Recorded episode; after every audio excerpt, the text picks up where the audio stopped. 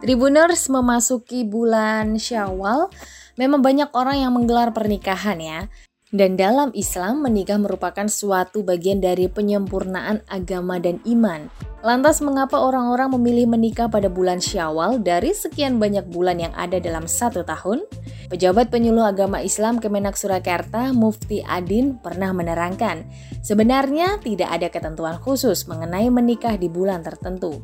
Karena pada dasarnya, semua hari dan bulan adalah baik di sisi Allah.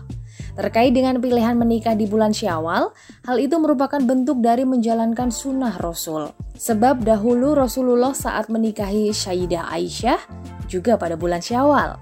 Bukan tanpa alasan, Rasulullah memilih bulan Syawal sebagai waktu untuk menikah. Ia menjelaskan pada zaman jahiliyah dulu, orang Quraisy Arab memiliki keyakinan bahwa menikah di bulan Syawal adalah suatu pantangan. Pada masa itu, di bulan jahiliyah itu, Orang Quraisy Arab memiliki keyakinan menikah di bulan Syawal adalah tanda kesialan.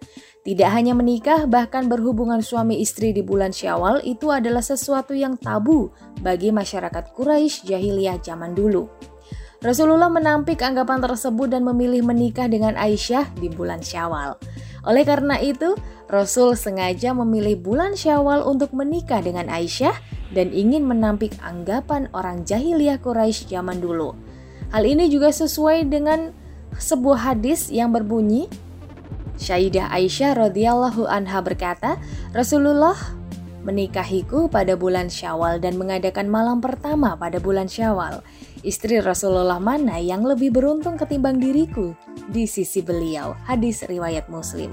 Jadi itu uh, latar belakang kenapa sih orang-orang berbondong-bondong menikah di bulan Syawal? Karena sudah memang memang sudah ada hadisnya dan juga uh, melewati sejarah dan perjalanan yang panjang.